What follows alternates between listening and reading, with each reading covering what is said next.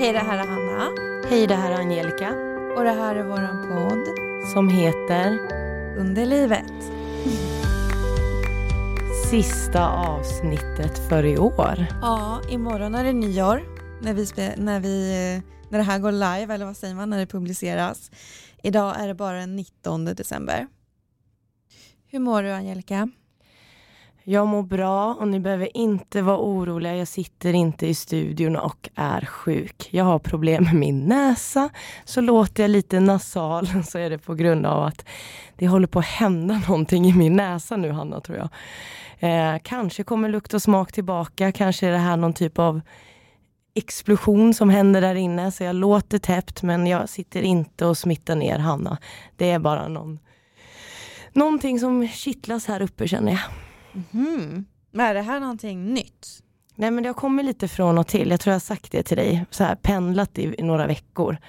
Eh, så jag hoppas att lukt och smak börjar komma tillbaka. Eh, jag mår bra, eh, lite trött. Vi hade en jättetrevlig julavslutning hemma hos mig igår. Mm. Då köpte jag sådana här diadem till alla tjejerna. Jag hade fixat eh, frågequiz om julen. Eh, jag hade även gjort ett, ett musikquiz. Eh, och det var så skönt att bara hänga. Eh, och just det här när vi var hemma hos mig eftersom att eh, ja, jag kände att jag orkade inte hålla på och fixa. Så jag sa ifrån. Och vi köpte liksom fryspizzor och körde in i ugnen. Lite rucola till. Det var liksom ingen press för mig och det var så skönt att bara få hänga. Det var inte mycket att städa undan. Så att lite trött men en, en bra trötthet. Liksom. När du umgås med folk sådär, tycker du att det är skönare att vara hemma hos dig eller föredrar du att vara hos, hos någon annan? För jag tänker ibland så här, när jag känner att jag har lite smärta på G, då vill jag hellre vara hos någon annan, för då kan jag bara gå hem, än att vara den som folk är hos och så ska man må dåligt men inte inte vågar skicka hem någon. För att man tänker att man är otrevlig då. Hur tänker du kring det där? Ja, jag satt och pekade. Ja, ja, ja, ja, jag med. Men det här låter ju säkert hemskt. Men jag tänker precis som dig. När jag liksom påbörjar till ont eller har ont och inte vill avboka.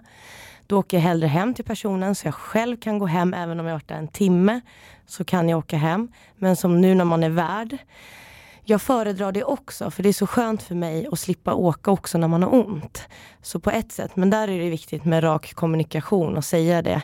Nej hörni, nu är jag trött faktiskt, nu får ni åka hem. Så det är lite, lite både och, men jag gör nog mest det där att jag hellre åker bort. Hur blev det igår då när du hade dina kollegor hos dig? Åkte de hem när, alltså rann du ut i sanden? Ja, det, liksom, det kom naturligt. Och de visste ju att jag hade lite saker att planera Eh, så att det vart liksom väldigt bra. Mm. Eh, men ja, jag känner ju precis som dig. Men det är också skönt att vara hemma för då kunde jag gå och lägga mig direkt. Ja, ja gud vad skönt. Du skrev ju till mig klockan två i natt. Jag minns inte vad du skrev men det var någonting om podden. Ja, inte jag heller, nej jag skojar. nej. Jag skrev nog bara godnatt eftersom att jag tänker på dig konstant hela tiden med den här podden och dig och våran vänskap. Ja, alltså shit vad det här har blivit mer än vad jag trodde att det skulle bli. Inte för att jag trodde att det inte skulle bli någonting av det här eller oss. Men eh, vissa saker kan man bara inte föreställa sig att det kommer bli så här bra. Och jag har inte haft någon hobby innan sådär. Mer när jag var yngre. Och Olof har ju tjatat på mig ganska mycket att jag måste skaffa en hobby. Så nu har jag en. Men om vi ska liksom sammanfatta lite det här året. Mm. Vad tycker du om det här med podden? Vad tycker du om mig? Vad tycker du om allt? Vad, sammanfatta lite ditt år. Okej. Okay. Eh, jag älskar podden. Och jag älskar att podda. Och jag är ju den som klipper. Och du Angelica vet, jag har lite dåligt samvete för att um, du tycker att jag gör lite mer jobb än vad du gör. Det kanske stämmer, det kanske inte stämmer. Vi förbereder oss inför olika avsnitt på olika sätt. Och nu har ju du till exempel inför livepodden som vi har ikväll som vi redan har eh, genomfört när det här avsnittet kommer ut men du har ju haft kontakt med jättemånga olika sponsorer som sponsrar vår utlottning och det har inte jag gjort så att vi eh, kompletterar ju varandra väldigt bra. Men det jag, eh, jag tycker att det är jättekul att sitta och klippa. Eh, jag trivs ju så bra. Och att känna det här eh, att man faktiskt lär sig någonting nytt och att man kan vara bra på någonting som man inte trodde att man skulle vara bra på. Nu säger jag inte att jag är jättebra på att klippa men... Jag tycker du är jättebra. Och det här är ju Alltså ja, jag vet inte ens var jag ska börja, jag ska inte ta över men jag ska bara gå in, lägga en inflika lite om det här med klippningen. Tänk, jag visste inte att du var så här grym på att klippa när jag frågade dig om du ville bli min poddkompis. Vad hade du gjort om jag var svindålig? Nej men alltså jag är svindålig. Alltså vad hade jag, vad hade jag gjort? För det första är att köpa en ny dator. Prio ett. Men att du kunde det här. Jag är så här, alltså wow. Att jag har lärt mig det här med andra ord. Ja men du är så duktig och det här visste inte jag när jag skrev till dig första gången. Jag tänkte att vi skulle få kämpa mycket tillsammans. Vi skulle få köpa massa olika program. Se så bra det blev. Nej, uh. fortsätt. Vill höra mer? Vill höra mer? Uh, nej men det har ju gått väldigt lätt för oss. Det har krånglat ibland med tekniken och eh, att få upp eh, podden på Spotify och nu sitter Angelica och skrattar lite för att hon tycker att det här är, ja det har det verkligen gjort. Krångel deluxe. Men vi har eh, löst det så himla bra varje gång för att vi är ett sånt fantastiskt team. Och du och jag är väldigt olika, både som människor och som poddare. Och vi kompletterar varandra så himla fint. Och eh, det känns så himla himla fint att jag har fått en ny vän. För jag har ju vetat ganska länge vem du är genom Instagram och olika matriosforum. Och, nu låter jag som en stalker men jag kanske har varit det mot dig, jag vet inte. Eller så är det jag som har varit det mot dig. så att eh, ha lärt känna dig som också har samma sjukdom som jag och vi eh, tar liksom samma typer av smärtstillande och vi är lite på samma nivå i vår sjukdom fast ändå inte för att vi är så olika där men ändå eller lika. Nu fattar ingen lyssnare vad jag syftar på. Men att vi faktiskt eh, vi har, vi har samma behov från vården, du och jag. Men inuti så ser en matriosen väldigt olika ut hos oss. Du har mer utbredd endometrios, jag har mindre. Och eh, vi tacklar vår sjukdom på två helt olika sätt som människor. Att du är lite mer eh, handlingskraftig och eh, social och kör på tills det inte går längre. Medan jag kanske är mer ältande i mitt sätt att vara på. Åh, oh, Angelica. Nu eh, kommer det tårar här från Angelica. Va, var det, vilken knapp tryckte jag på? Berätta. Be bekräftelseknappen typ. Mm. När du bekräftar hur jag är. Liksom. Eh, ja, Känner du igen dig själv i den Ja, det är det. Eh, och jag vet inte om det är liksom positivt att jag är sån. Vi har ju pratat jättemycket du och jag, både utanför podden, hur vi är som människor. Och eh, återigen, gråt Angelica, men jag är så tacksam över dig att man får inte höra den här bekräftelsen. Jo, absolut får man bekräftelse av vänner och familj, men eh, det folk inte förstår det är när någon har samma sjukdom och vet vad man kämpar med, men på olika sätt. Och du vet att även fast jag står där med någon tomteluva och ser jätteglad ut, så vet du hur jag mår. Det var bara det som... Mm. Jag blev liksom... Jag blev varm. mm. Och eh, du, in, inför den här live-podden eller livesändningen som vi ska ha på Instagram ikväll så så ville du jättegärna planera det här äh, och eh, du ville liksom tydligt veta vad vi skulle göra och du ville ha kontroll helt enkelt. Och eh, jag har eh, hållit på att stänga ner en praktik nu som har varit på tio veckor, eh, examinationer samtidigt som jag har mått ganska dåligt och haft väldigt ont. Jag återkommer till varför. så ville inte jag ses och du ville ses. Och där krockar våra två personligheter. Att du kör på medan jag backar och stänger in mig.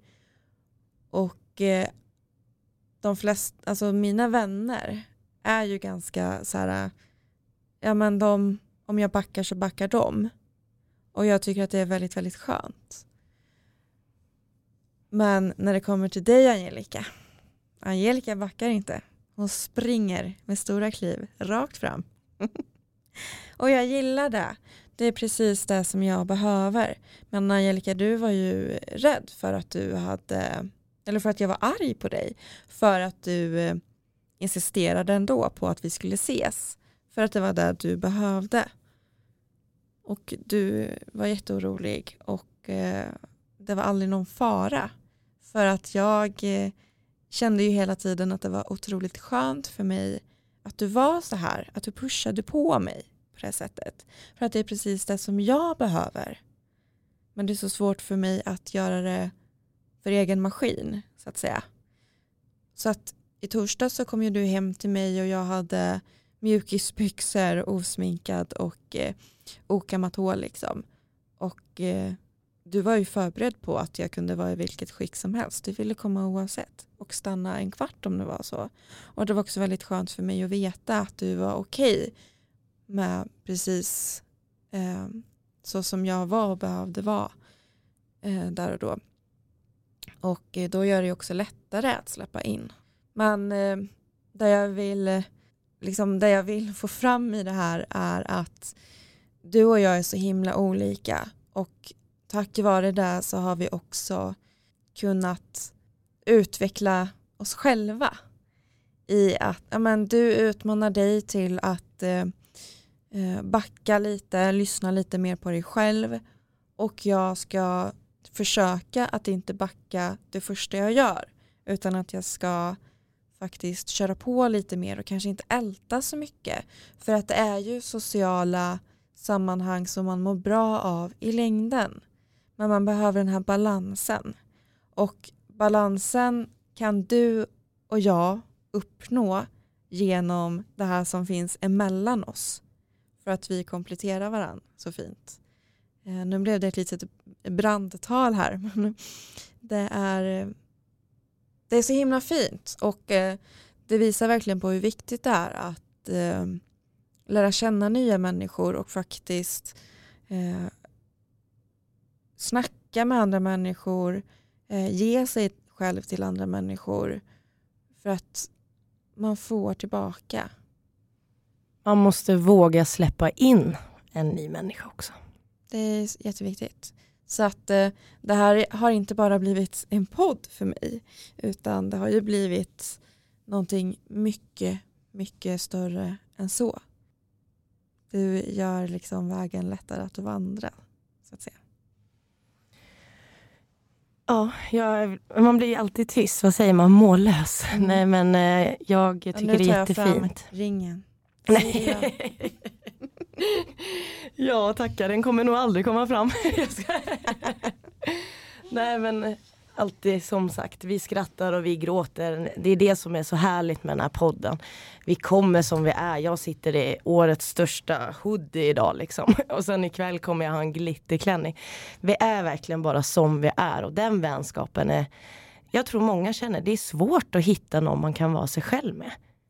Ja men det där, alltså jag har inte så problem med att eh, hitta nya vänner och sådär för att jag, jag tycker att alla människor är intressanta. Däremot har jag väldigt svårt för att eh, skapa relationer där jag verkligen kan vara 100% mig själv. Det tar tid för mig för att jag är, jag är nog lite reserverad kanske. Jag vet inte. Jag vill, jag vill inte vara där, jag vill inte att jag ska vara sån. Och jag har inte alltid varit så. Men jag, verk, jag har verkligen reflekterat kring det så här i vuxen ålder att jag, jag har några få som är väldigt, väldigt nära. Och det är jag väldigt nöjd med. För att, att, eh, att få de här eh, supernära relationerna där man kan vara 100% sig själv eh, och man kan sitta tyst bredvid personen och det inte är konstigt på något vis är så härliga men så sällsynta för mig. Men det är också det du får tänka, det, ja du har reflekterat över sånt här men det är inget fel att vara reserverad heller.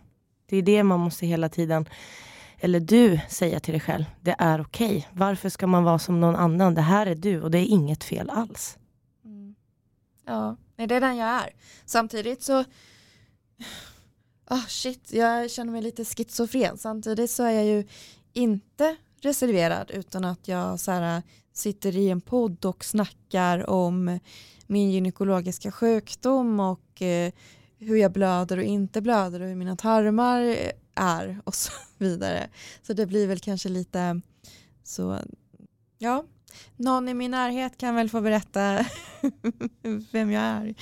Kanske lättare för någon annan. Det där var en colaflaska som öppnades. Den bästa, Cola Zero, som vi också har gemensamt. Nej men eh, om man ska prata lite om det här året, alltså det är ett fantastiskt år. Mycket har ju hänt i hela världen med det här med corona, men det här är det bästa som har hänt mig. Och du är det bästa som har hänt mig. Men så här, förutom om, eh, om det inte vore för corona så hade ju vi aldrig suttit här. För den, de här idéerna fick ju du när du var sjuk i corona. Och jag vet. Och helt ärligt, jag vågar inte svara på om jag hade kört på annars. Om jag liksom, eftersom att jag är överallt och ingenstans ibland känner jag. Jag gör så himla mycket saker, men jag vilar också, ni behöver inte vara oroliga. Men just det här att jag vet inte om det här hade blivit av om inte jag hade blivit sjuk i tre månader. Och det är lite läskigt. Och vad är det? Alltså det här är ju att följa sin dröm. Eh, dröm och dröm. Men jag har alltid fått höra av flera, även vänner och folk som inte känner mig, att Angelica, va? Jobbar du inom vården? Jag hade tänkt att du skulle sitta och vara någon radiopratare. Liksom. Det har jag hört av mina vänner. Så att det är så kul att jag följde den här drömmen. Och radio är väl inte riktigt min grej, men jag vill bidra med någonting och jag hoppas att alla känner att vi har gjort något för er. För ni har i alla fall gjort massa för oss. Alla, alla ni som skriver, alla ni som lyssnar liksom. Mm. Ja, här, nu, vänta jag har en rap på G. Ska du ha den live?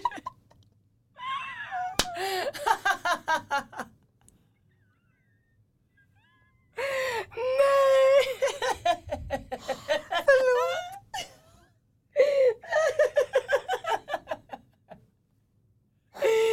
Och nu kommer mitt galna skratt. Okej okay, vad jag skäms.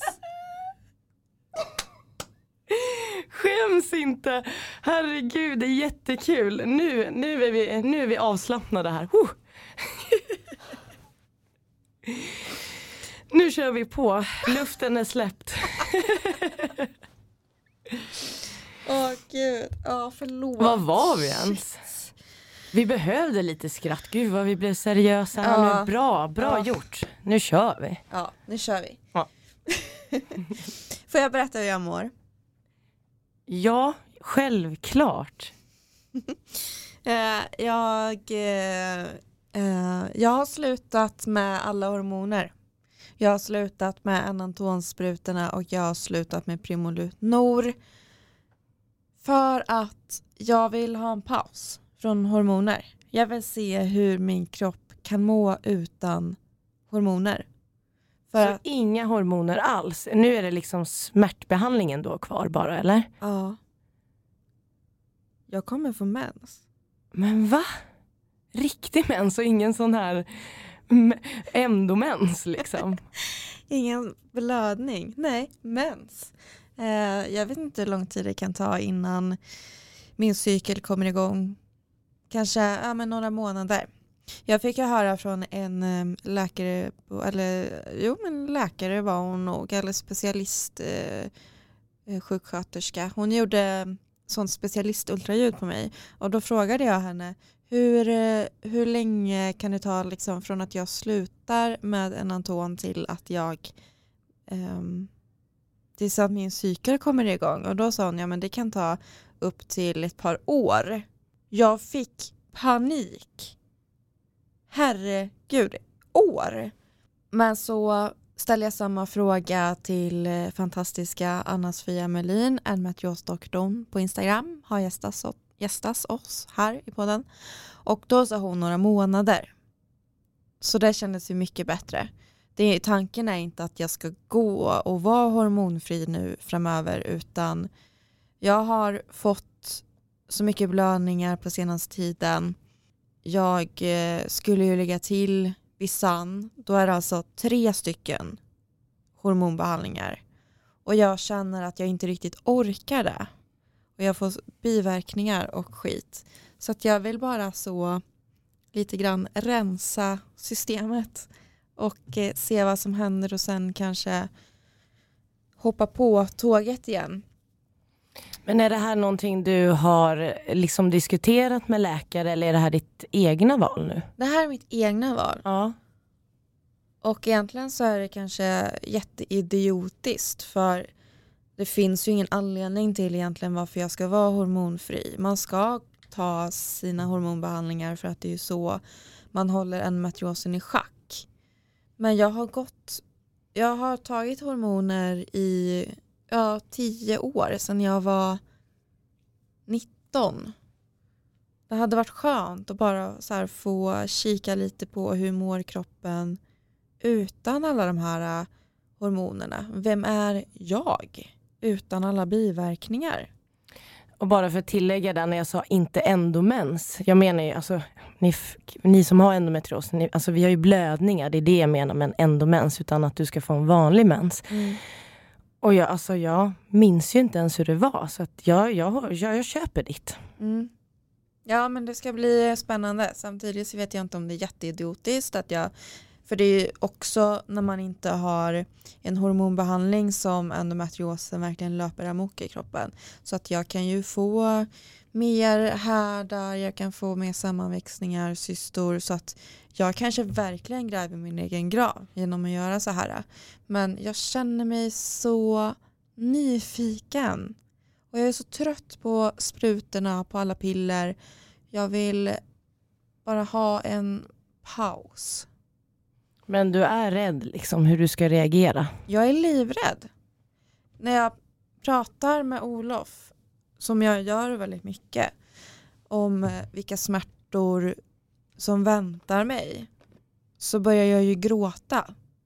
För att jag blir rädd. Jag blir så jävla rädd. För jag vet hur ont jag kan ha. Så min mamma här för ett år sedan eh, då vet jag inte varför jag egentligen fick ont. Vad det berodde på. Men, eh, och då hade jag tagit smärtstillande och smärtan bara eskalerade och eskalerade och eskalerade.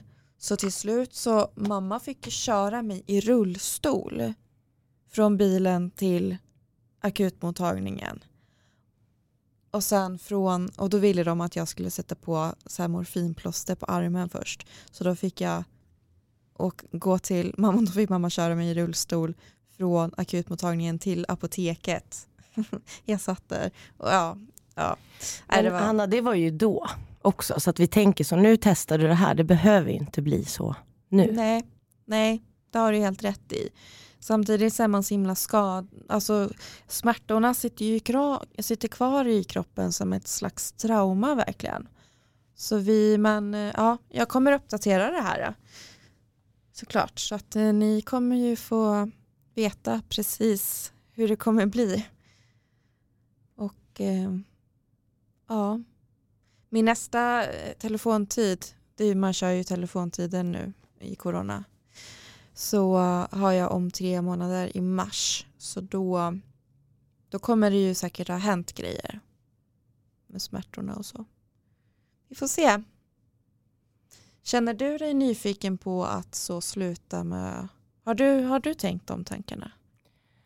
Nej, det har jag faktiskt inte. För att jag har ju typ äntligen lyckats bli blödningsfri nu. Det har mm. tagit mig, ja men helt ärligt, sen jag fick min diagnos. Mm. Så jag är inte jättesugen. Jag, jag mår rätt bra i min kropp som det är nu. Jag är så jävla less på de här blödningarna. Jag är inte sugen på mens. Alltså det är nu för en gång skull jag känner att det, det är bra liksom. Så jag är inte där än och jag dömer ju inte dig för jag kommer komma dit. Men just nu är det bara att äntligen inget blod och det känner jag att jag är nöjd. Mm. Och vad tycker du om mig då, att jag gör så här? Jag tycker det är bra. Alltså självklart. Alltså, det är ju kroppens naturliga väg. Sen är ju hormonbehandling, det får man ju alltid tänka oavsett sjukdom att hormonbehandling är ju liksom för endometrios. Så att det inte, man, man ska inte tänka att det är fel att äta tabletter. Så är det nej, inte. Nej, gud. Alltså det här är ju ingenting som jag rekommenderar någon annan att göra. Nej, men det var inte så heller jag menade nu, liksom, utan mer att det här är kroppens naturliga väg och du vill testa det och då, då stöttar jag dig hela tiden. Jag är bakom dig i alla dina beslut och är det någonting jag inte tycker då kommer jag diskutera det med dig och som du gör med mig när jag har mina funderingar. Men eh, jag köper det. Jag kommer nog komma dit också. Mm. För jag vill, det låter konstigt kanske, men jag vill också vara en normal kvinna. Mm. Jag vill också ha vanlig mens. Mm. Men eh, just nu med min jag har haft, eftersom att jag blev så dålig efter operationen, eh, jag hoppas att alla har lyssnat på första avsnittet. Det var ju dåligt ljud på mig men jag mådde ju så dåligt. Jag hade verkligen komplikationer liksom. Så jag känner nu att bara... Du får gärna, du får gärna berätta lite snabbt om det igen. Mm, ja men det var ju en tuff tid liksom. Eh, och eh, ingen hade ju sagt till mig att efter operationen så kommer det vara kvar. Alltså, jag kanske blåst då, men jag hade, ingen, jag, hade, jag hade inte fått information. Så jag tänkte att när jag opererar mig nu så blir jag frisk. Och det var ju, och det var ju helt fel. Ursäkta. Eh, jag blev ju helt ärligt sämre, men jag ångrar inte det. Jag har fått frågan så mycket, men eh, jag skulle ju komma tillbaka till jobbet efter två veckor. Det tog mig mer än nästan fyra månader. Eh, jag kunde ju som sagt inte plocka upp något. Jag fick sitta i 90 grader. Jag fick ligga ner i bilen om någon skulle köra mig. Jag kunde inte plocka upp den där plastpåsen hemma som jag tappade som jag pratade om i första avsnittet. Jag bara grät. Jag kunde inte duscha för jag nådde inte ner till schamporna. Alltså det var en riktigt hemsk period. Och det är nog första gången jag verkligen kände att jag har så ont så jag vill dö när jag åkte in där. Jag skrek det, alltså döda mig. Alltså, de här sköterskorna älskar dem än idag. De satt där med såna, vad heter det, de här värmekuddarna som är, man värmer dem, vad kokar dem? Mm, det är ju någon, eh, någon vätska i som de hämtade dem hela tiden. Så fort det en blev sval så kom det en ny och hon låg och klappade mig på huvudet som att jag var en hund som blev klappad. Jag fick ju sådana komplikationer för jag fick en infektion efter. Det var ju det som var hemskt. Alltså det var... Jag vill inte uppleva det igen liksom. Det var inte det jag hade räknat med. Sen kom det ju så mycket annat där under då när jag låg inne, jag låg inne hur länge som helst både på Salgrenska och på Södra Älvsborgs sjukhus. Och du vet, det känns som att när en skitsak kommer, då kommer det fler. Kan du känna igen dig i det? Mm, absolut. För då var det ju då att vi måste hitta min CRP, det är sånt där infektionsvärde. Det ska du få se ikväll hemma. Jag har faktiskt sparat det. För när jag kom in så låg det på 169. Det är liksom helt sjukt. Vad ligger det på normalt? Eh, alltså man ska väl ligga på typ fem eller något. Förlåt mina sjuksköterskekompisar men eh, jag tror det är det. Lunginflammation brukar ligga runt 30 och det vet jag för jag har en konstant lunginflammation när jag blir sjuk. Liksom. Så då fattar ni hur, alltså jag hade så hög feber så mina händer var i russin, alltså som att jag hade legat i badet. Jag hade så hög feber så jag bara skakade, jag har aldrig varit med om något liknande. Fy fasiken, usch. Det var en riktigt tuff period och jag kunde inte gå så jag gled ju runt i rullstol. Jag, jag fick ju liksom eh, rullator. Jag hade rullator för jag, jag kunde inte gå. Och du var inte förberedd på att det var så det skulle vara efter operationen? Du hade föreställt dig att du skulle må bättre än innan operationen? Ja, och läkarna förstod ju ingenting. Alltså operationen gick ju bra ändå det härdarna och sammanväxningarna, det fick de ju bort liksom. Men eh, jag vet inte vad egentligen som hände. Kanske är det liksom min kropp bara klarade inte av det. Men eh, Ja, det var en riktigt tuff period och då när man väl låg inne där när jag sa det att det kommer skit på skit, då hittade de ju en cysta på min lever. Och jag utreddes ju för den i ett år med MR och allting. Så jag fick ju jättekonstiga samtal från läkare då. Som bara, ja ah, men nu, vi, den är atypisk, vi vet inte vad det är. Och jag bara kände, gud det är så mycket med min endometrios. Jag tänkte ju att jag hade cancer jag, jag tänkte det hela tiden. Men jag läste att det var inte vanligt för kvinnor ens att få det. Att det är ofta en dottertumör där. Så jag var så påläst. Men då ringde ju läkaren och sa det. Ja, nu på sommaren blir det ingen ny MR utan lev livet som vanligt. Drick drinkar. Och jag kände så här som att det var the last call. Liksom. Jag hade ett riktigt pissår det 2019. Eh, inte bara med endometriosen, men med, med min kropp. Liksom. Nej, men jag säger så här, jag snackar inte skit om en operation. Alltså jag ångrar verkligen inte det. Men just smärtan blev ju värre. Men det är så när man går in och pillar där, i, där det är så mycket nerver. Eh, men det finns smärtstillande. Jag lever, alltså jag, jag är mobiliserad, jag klarar av en vardag. Men den smärtan hade jag ju inte innan på det viset. Liksom nu ska vi inte ta allt för det, men eh, bara lite det. Jag hade ju så jävla mycket komplikationer.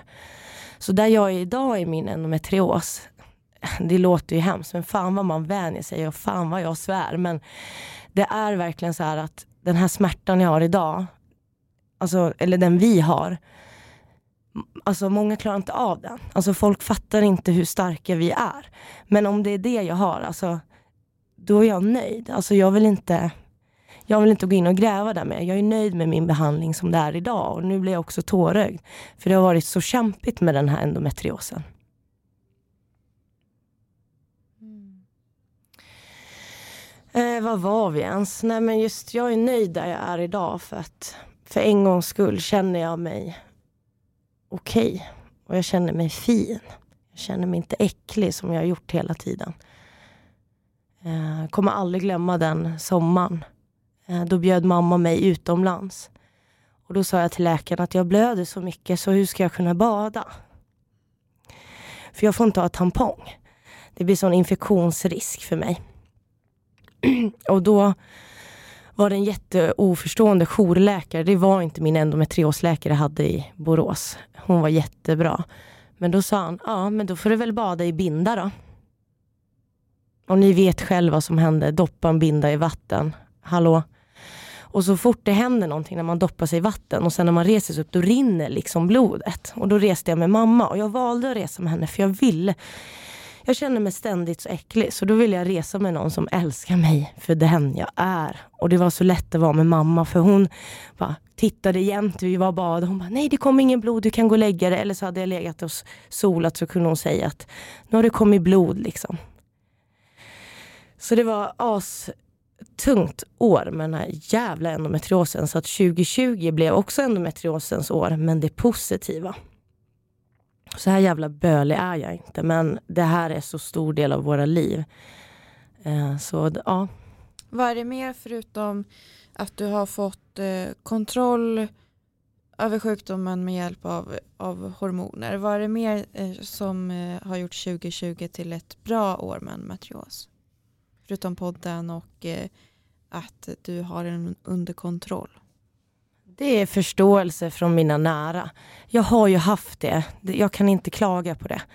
Men mycket mer från mina kollegor, nya kollegor. Min endometrios är en del av andras liv. Och fan vad det låter egoistiskt och jag svär men eh, det är det bästa med det här året och den här podden har gjort att folk förstår hur jag mår. Så att mina vänskapsrelationer har blivit så mycket bättre, djupare. Mm. Känner du något du i det här, igen dig i det här? Liksom? Ja, det gör jag verkligen. Um, och det här året har jag verkligen försökt träna på att uttrycka mina behov lite bättre. Men jag känner också att endometriosen har ju lärt mig att vara mer sann mot mig själv.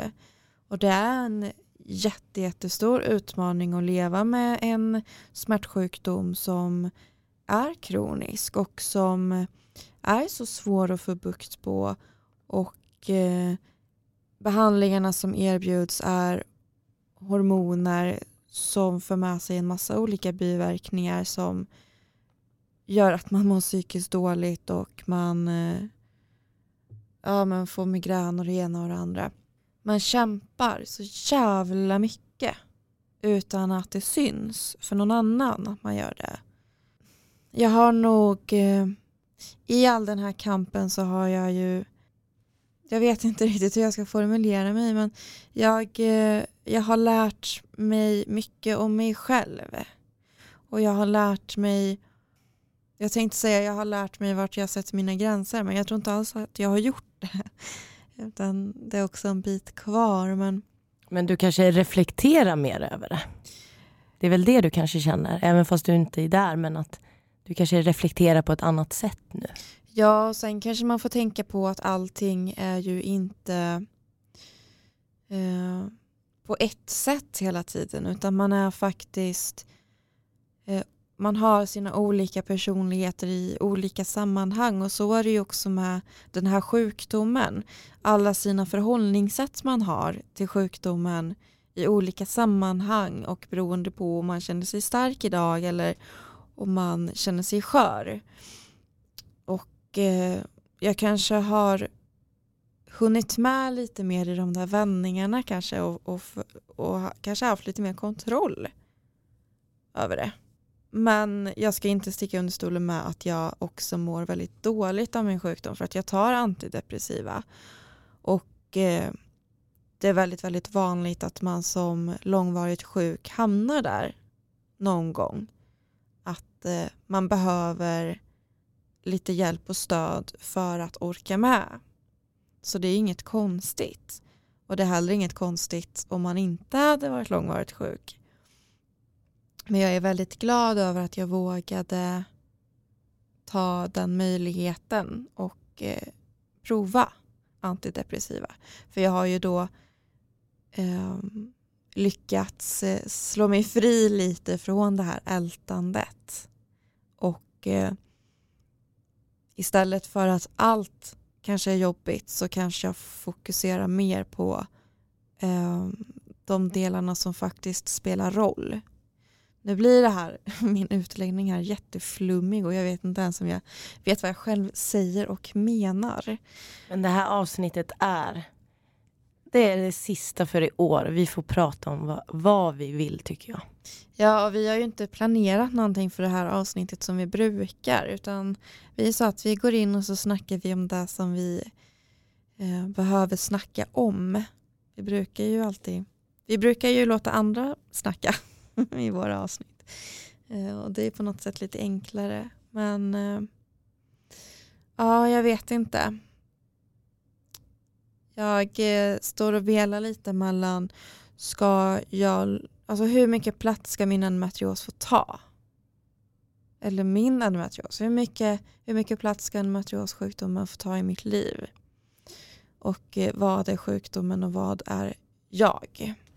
Och vad är hormoner från olika tunga behandlingar. Det ska bli väldigt intressant att se. Kanske, kanske jag kan sluta med antidepressiva om jag slutar med hormoner. Så kan det ju vara. Det ska bli spännande. Och vi kommer ju få följa dig nästa år, hur du mår och många är säkert jättenyfikna på det här. Liksom. Andra kanske har tänkt precis som dig.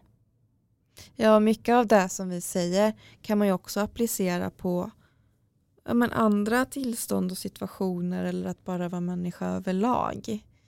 Man kämpar med olika saker och eh, det får man vara väldigt ödmjuk inför.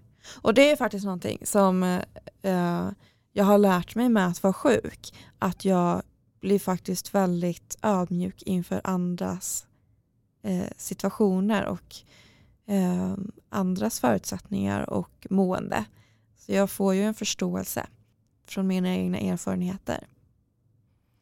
Och jag brukar ju alltid säga, jag tror, jag säger det väldigt ofta när jag förklarar endometrios, att eh, jag är inte min sjukdom. Den är en del av mig. Mm. Eh, för att det är det den är. Men det är jag på första plats och inte endometriosen. Men den kommer alltid vara där. Känner du att du lyckas hålla det så? Lever du efter den? Ja, jag tror det. Jag tror att du också kan känna att jag ändå, om jag inte alltid gör det, så försöker jag i alla fall.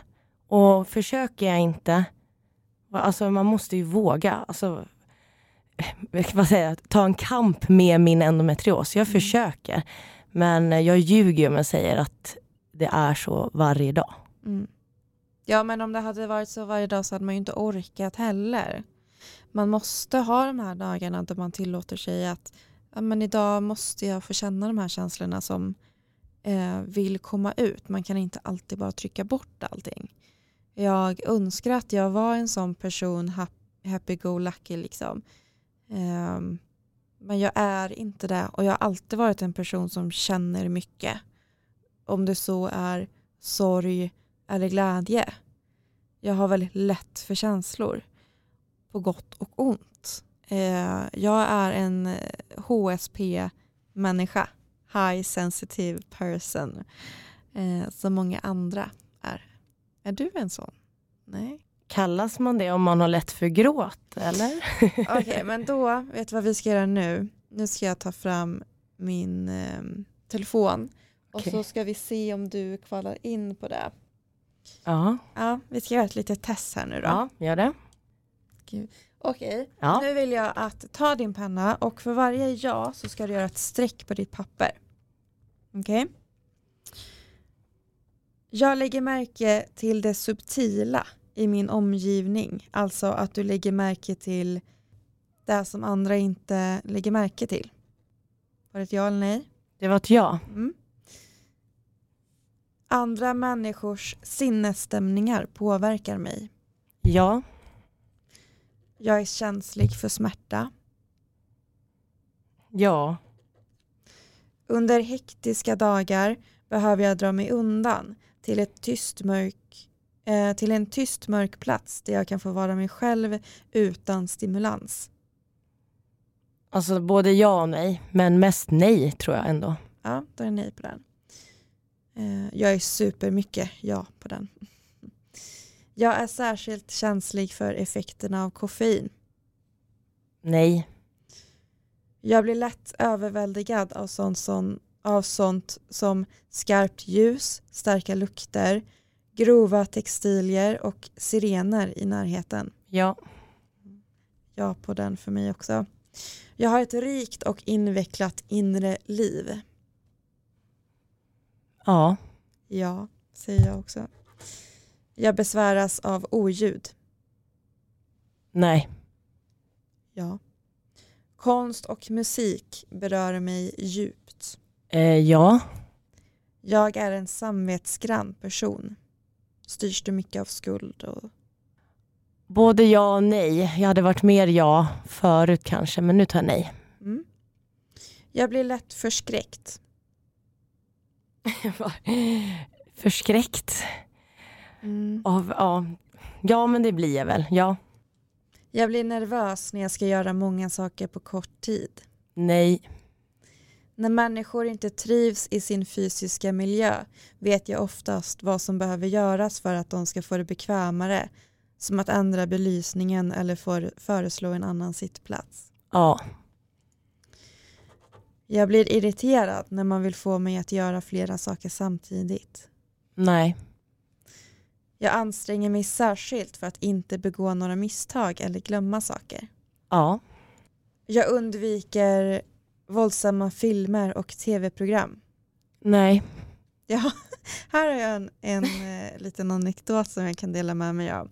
Jag blir ju väldigt påverkad av eh, filmer där det går väldigt fort och där det är ja, men snabba scener, det är höga ljud, det är liksom, ja, så att actionfilmer och sånt kan jag inte ta för att det, blir, det påverkar mig alldeles för mycket. Och eh, Olof vet det här, min kille alltså, så väl. Men ändå, när jag fyllde år, så tog han mig till en eh, biograf och så berättade han när vi var där vilken film vi skulle se. Och då var det Black Panther. Och det kändes väl helt okej för jag, har, jag kollar inte på Marvel-filmer. Så att eh, jag visste liksom knappt vad det var för film. När vi satt där, jag satt och grinade. Och ville, alltså satt med liksom händerna för ögonen. Jag ville därifrån. Det var så hemskt. För det var så mycket action. Folk dog och folk... Uh, usch vilken upplevelse det var. Jag mådde så dåligt och jag var så arg på honom efteråt. Du vet att jag hatar såna här filmer och på min födelsedag så tar du med mig för att vi ska se en sån här film. Mm, det var min lilla anekdot. Jag har repat mig idag. Det är bra. Vi fortsätter. Jag blir uppskärrad när det försiggår mycket runt omkring mig. Nej. Jag reagerar starkt på hungerkänslor som påverkar mitt humör och min koncentrationsförmåga. Ja. Eh, ja. Förändringar i mitt liv får mig ur jämvikt. Nej. Jag noterar och uppskattar delikata dofter, smaker, ljud och konstverk. Kanske inte så mycket nu då. Inte nu, men ja. Jag ordnar mitt liv så att jag slipper konfronteras med upprörande eller överväldigande situationer. Ja. När jag är tvungen att tävla mot någon eller utföra en uppgift under iakttagande blir jag så nervös eller osäker att det går mycket sämre än det annars skulle ha gjort. Nej. Då har vi sista nu då. När jag var barn uppfattade mina föräldrar eller lärare mig som känslig eller blyg. Ja. Då vill jag att du ska räkna dina streck Trettio. nu. 13 streck har jag. 13 streck. Så här ska man tolka testet. Svarar du ja på 12 eller fler av frågorna är du förmodligen en högkänslig person. Men inget psykologiskt test kan ge ett sådant tillförlitligt resultat att du bör basera ditt liv på det. Du kanske har svarat ja på endast en eller ett par av frågorna. Men om dessa ja stämmer oerhört, oerhört bra kan det också vara befogat att du kallar dig högkänslig. Ja, Då är vi båda det. ja. När jag, eh, när jag först eh, mötte den här, det är ju ingen diagnos liksom, men det är, en, det är en typ av personlighet. Eh, så var det så himla mycket, det var en aha-upplevelse. Jag fick svar på så, så många eh, olika sätt jag har i mig. Och jag tycker att det är väldigt, väldigt fint att känna känslor. Som jag sa innan så blir man ju mer ödmjuk inför andra. Man får förståelse för andra. Och eh, jag känner hellre för mycket än för lite har jag kommit fram till.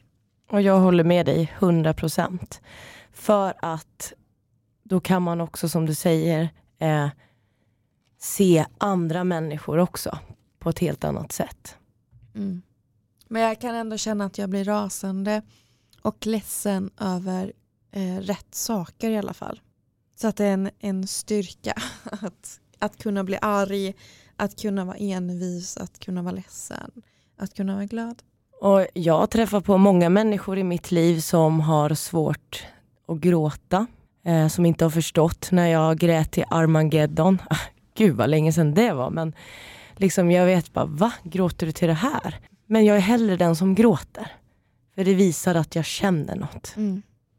Det är fint. Jag gillar det. Jag gillar människor som vågar visa känslor.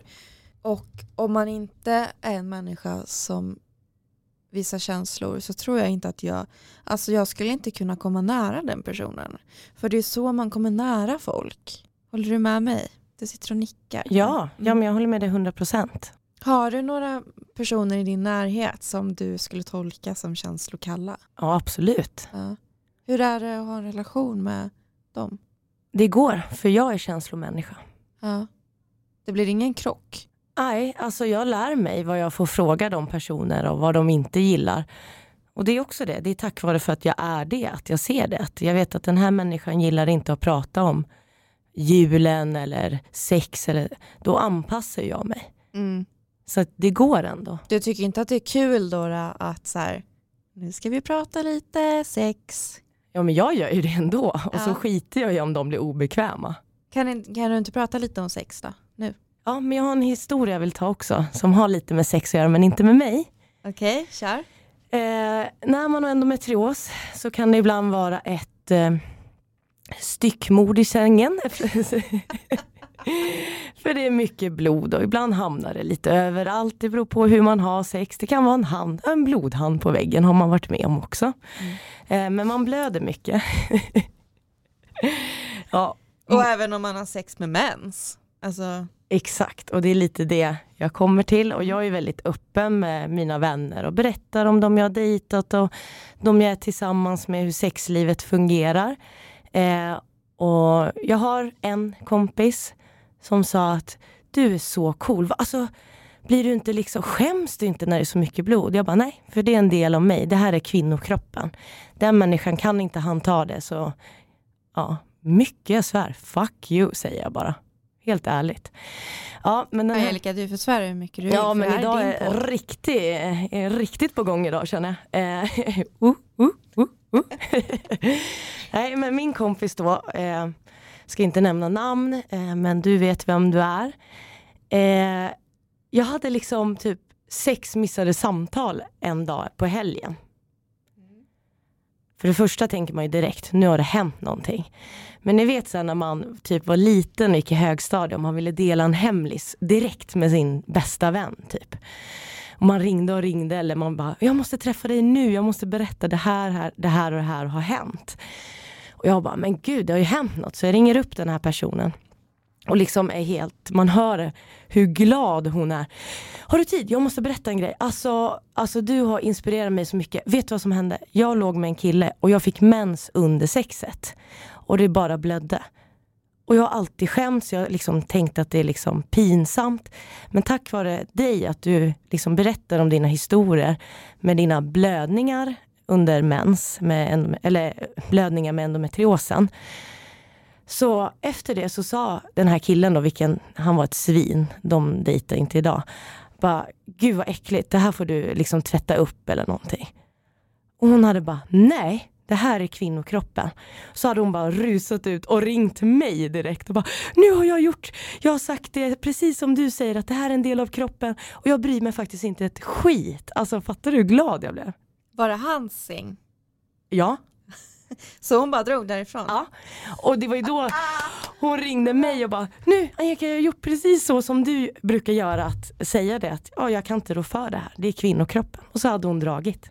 Men du vet så här, verkligen så här, jag måste ringa henne nu nu och det var liksom samtal på samtal för att hon ringde mig när hon rusade ut därifrån. Men, du har ju inspirerat henne till att våga göra så. Det är ju skitbra. Så häftigt. Ja. Gud vad skönt det måste ha känts. Alltså jag är så glad. Jag undrar vad som eh, hände hans madrass då, om han eh, tvättade den eller om han köpte en ny. Usch vilken människa. Ja. Tjejer, jag är singel och har varit det i tre år. Träffar ni sådana här, dumpa. Alltså helt ärligt, kan man inte ta att en kvinna blöder? Nej, då är det dags att gå vidare alltså. Ja gud ja. ja, ja, ja. Men jag hoppas att det är ganska ovanligt att att eh, killar har den bilden av mens. Det känns ju ändå som att de flesta fattar att ja, men det här är naturligt, inget äckligt, vi, vi ja, kör på. Nej men en sexhistoria med mycket blod, om man vill höra det. Det låter som att det ska vara någon skräckhistoria. Vill ni höra mycket blod, då ska ni få höra. Eh, jag dejtade en kille. Eh, och eh, ofta då, det här beror på. Jag behöver inte blöda varje gång. Dejtar du bara killar? Ja, jag dejtar bara killar. Eh, och ofta då när jag sitter på, det gör liksom ont. Det får inte komma in för långt. Alltså det gör så jävla ont. Alltså, oh. eh, och det här hände ju. Eh, bara det att eh, när jag väl skulle resa mig och gå av den här ställningen så bara forsade det blod. Alltså som man häller vatten. Tjum, man hörde verkligen det här. Och jag sitter och ser att det är blod på den här killens mage. Alltså det är liksom, när man ligger ner också så blir det lite gropigt så det liksom la sig som en liten skål. En liten body shot. Ja och jag bara herregud, alltså det var så mycket blod. Och då bara, titta inte, jag höll för hans ögon, titta inte nu. Eh, jag letade mig runt och bara, gud jag måste hitta något papper eller. Men varför ville du inte att hon skulle se? För att det var så mycket, alltså det var bara en reaktion, att titta inte liksom. Ja, för det var också första gången mm. med den här mannen. Eh, det var inte det att jag skämdes, det var bara så panik, att jag ville typ inte att det skulle rinna och det skulle bli, ja, mm. jag vet inte vad man tänker. Och vi, jag hittade inga papper, jag tänkte ta hans kalsonger men jag hittade ingenting. Så att han var ju jättegullig. Han bara, nej jag ska inte titta, vad är det som har hänt? Och berättade vad som har hänt. Han bara, ja men det struntar jag i liksom. Jag bara, ja men om du reser upp nu så kommer det liksom bara vara hur mycket blod som helst. Men han då var jättegullig, fortsatte att blunda och började liksom gräva med händerna över huvudet så här, och dra av örngottet. Mm. Så gav han mig det, så la jag det på magen, tog ihop skålen, gick till toaletten med det här blodiga örngottet och tänkte, men gud, eh, vad ska jag göra nu liksom? Eh, och han var jättegullig, så kom han så här och knackade på. Går det bra där inne? Jag bryr mig inte alls. Eh, det här, alltså, Angelica, jag bryr mig inte. Vill du att jag ska hämta en påse? Jag kan slänga örngott, jag behöver inte ens titta på det. Eh, du kan, vill du tvätta det? Ska, ska jag hämta något? Han var ju så förstående. Så att det här är ju det är de vanligaste reaktionerna jag får med blod. Ja men det är ju så det ska vara. Det här är ju en normal reaktion från honom. Det är ju inte så att han ska prisas för den här eh, reaktionen. För det är det här som man förväntar sig att folk ska reagera. Ja, men eh, det jag gjorde i alla fall, det var att la den i någon Coop-påse där, så stoppade jag ner örngottet i väskan och jag skulle ta med mig det och slänga det. Mm. Eh, och då var man ju naken, så när jag kom ut där från toaletten och man är väl lite så här skärran, så står vi och pratar, båda står nakna och så säger han, nej men nu tar vi liksom beställer pizza eller någonting annat. Vi liksom avbröt sexet. Han bara, men vill, vill, alltså jättesnällt, vill, vill, vill du kanske ta en dusch? Och så bara tittar jag ner. Jag är helt så blodig mellan låren, det ser ut som jag har fött barn. Liksom. Självklart ska jag tvätta mig innan jag sätter mig i din soffa. Liksom. Men vad fint. Då känns det ändå som att det här var mer för din skull som han reagerade så. Att det inte hade någonting alls med han att göra. Utan han bara försökte, um, försökte upptäcka vad du ville göra i den här situationen. Och det är det att är man liksom ärlig med sin diagnos som jag har varit så får man ofta ett fint bemötande. Vi kvinnor kan snacka skit om män, absolut. Vi är olika. Men det finns såklart män med den här förståelsen också. Och det här gjorde ju han, precis som du sa, för min skull. Han ville bara bekräfta så här, tusen gånger om, det är okej, okay, det är okej. Okay. Eh, men också män kan ju bli lite mer visade på ett annat sätt medan en tjej kanske säger, ja men det är okej okay, Hanna. Men de vill ju verkligen, det är okej, jag kan hämta örngott, jag kan hämta påse, jag kan, vi kan köpa pizza. Det blir så mycket lovord, det är också kul i och för sig men. Ja, får känna sig lite uppvaktad. Ja, jag vill ha pizza från Menomale, tack. Oj, förlåt, jag började skratta med vatten i munnen. Utnyttja situationen. Men sen finns det såklart idioter man har träffat, helt ärligt, om man ska bara ta en hemsk sexhistoria. Ja men gud vad äckligt. Vadå? Kommer liksom eh, min kuk var full av blod? Jag bara, är, är det här då när du berättar vad som eventuellt kan hända. Ja, för jag gör alltid det. Mm. Där är jag 100 procent. Alltså. Protokollet. Mm. Och kan inte han ta det så ja. Och det blev ingen sex med den här killen och det blev inga fler dejter. För då sa han så här, nej men gud vadå blöder du jättemycket eller? Jag bara, jag vet inte. Du vet, så här, det vart så mycket fokus. Bara, varför bryr du dig? Nej men då kanske vi kan köra analsex istället. Alltså ärligt talat. Idiot. Då, då skulle du kunna fråga, men hur mycket kommer du komma då? Alltså kommer jag liksom bli kladdig?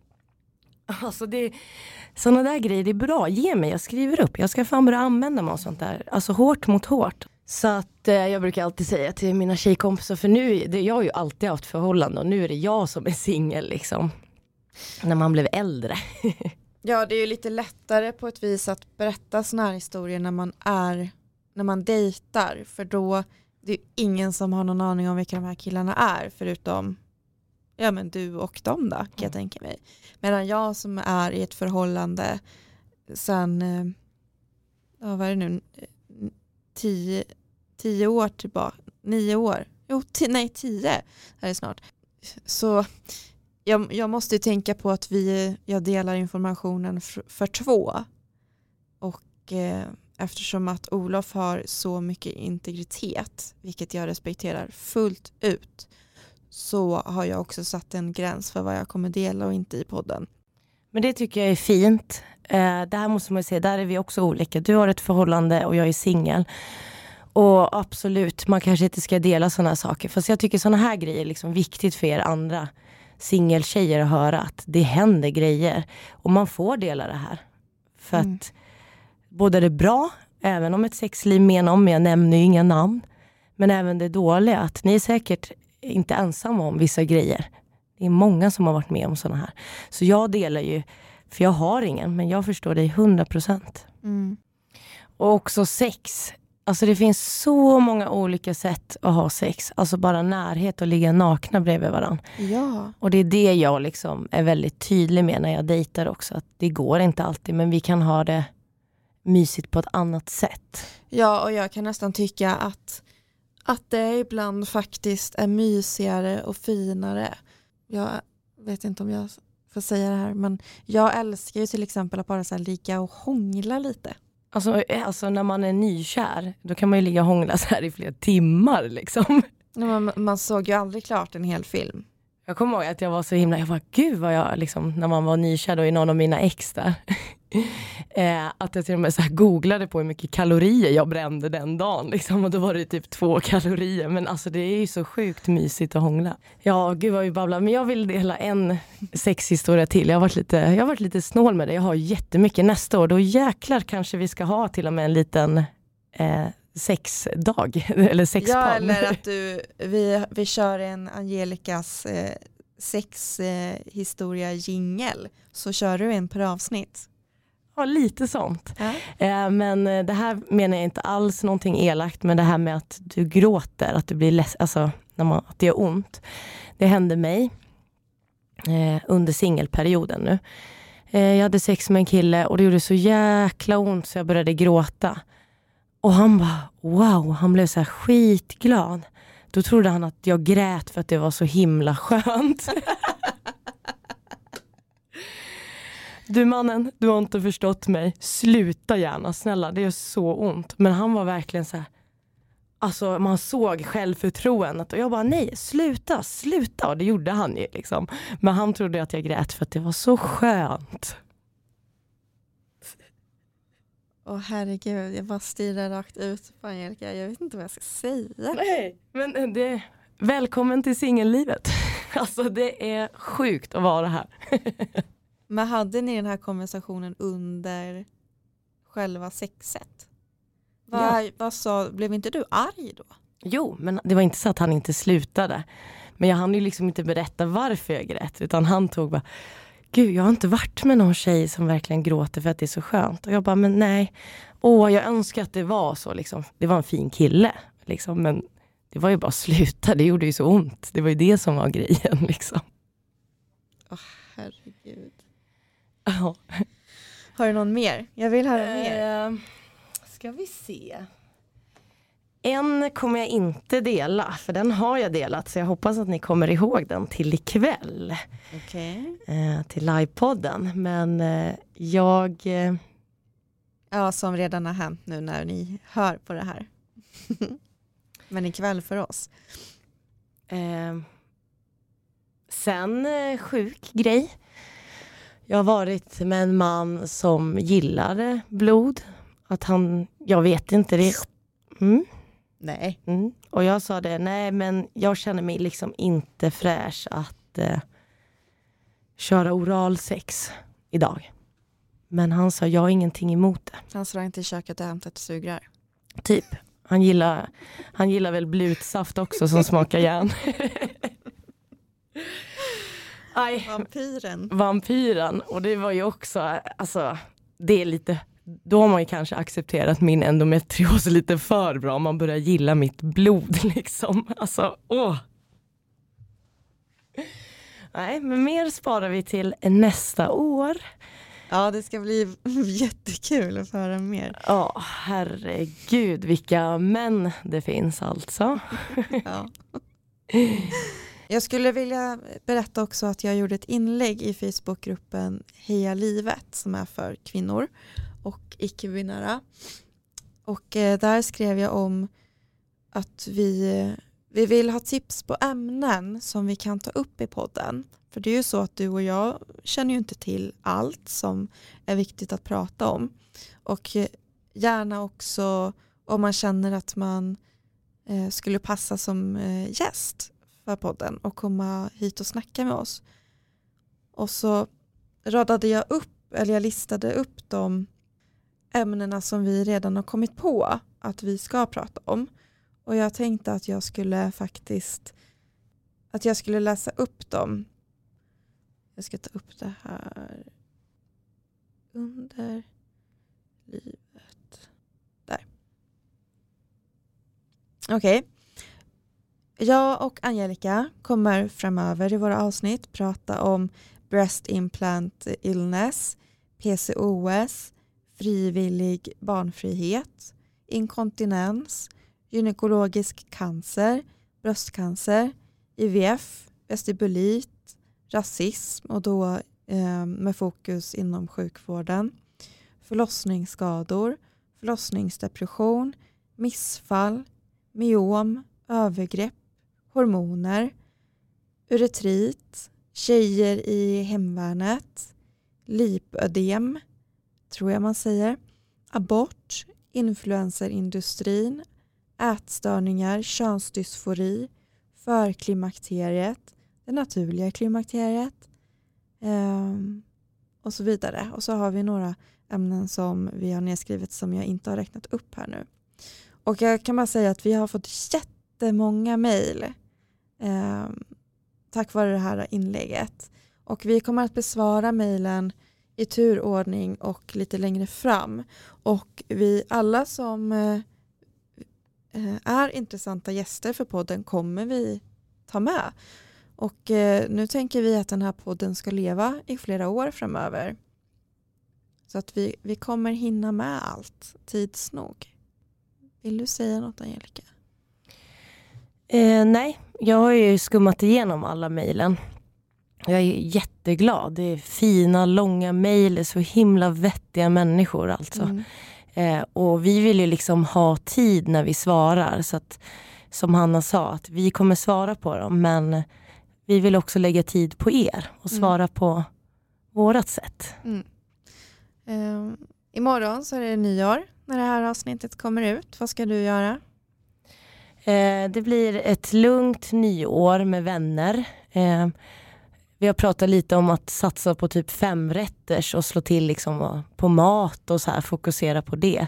Eh, kommer såklart ha glitterklänning, fokusera på mat, samtal eh, och lyssna på bra musik. Men också nyår, för mig är det också som, helt ärligt, vilken dag som helst.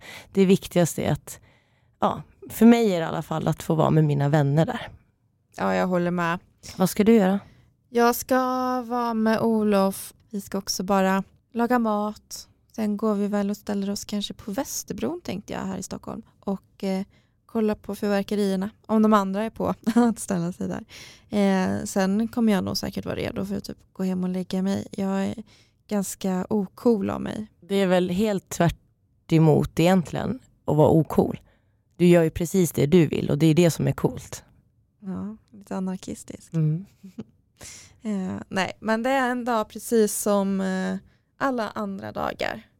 Och eh, jag har festat hjärnet på nyår lika mycket som jag har varit sjuk och legat i pyjamas på nyår. Och skrivit tenta på nyår. Så att det är inga konstigheter. Jag skulle också vilja påminna om att prenumerera på våran podd på, i poddapparna och om ni har iTunes eh, podcaster app så får ni jättegärna lämna betyg och skriva ett litet omdöme. För att så syns vi mer. Och eh, ämnena som vi pratar om är så jävla viktiga. Så att det är viktigt att vi syns. Så att folk hittar hit. Och vi kan hjälpa och utbilda. Och så finns vi på Underlivet podd på Instagram. Och jag finns där som Hanna Oredsson. Och jag Angelica Hackala. Vi finns på Spotify också. Ja! Äntligen! Så nu är vi överallt. Nu är vi överallt. Mm. Jag hoppas att ni har haft eh, en fin jul, fina mellandagar och att du har fått må bra i dig själv. God jul och eh, gott nytt år! God jul och gott nytt år! Puss och kram!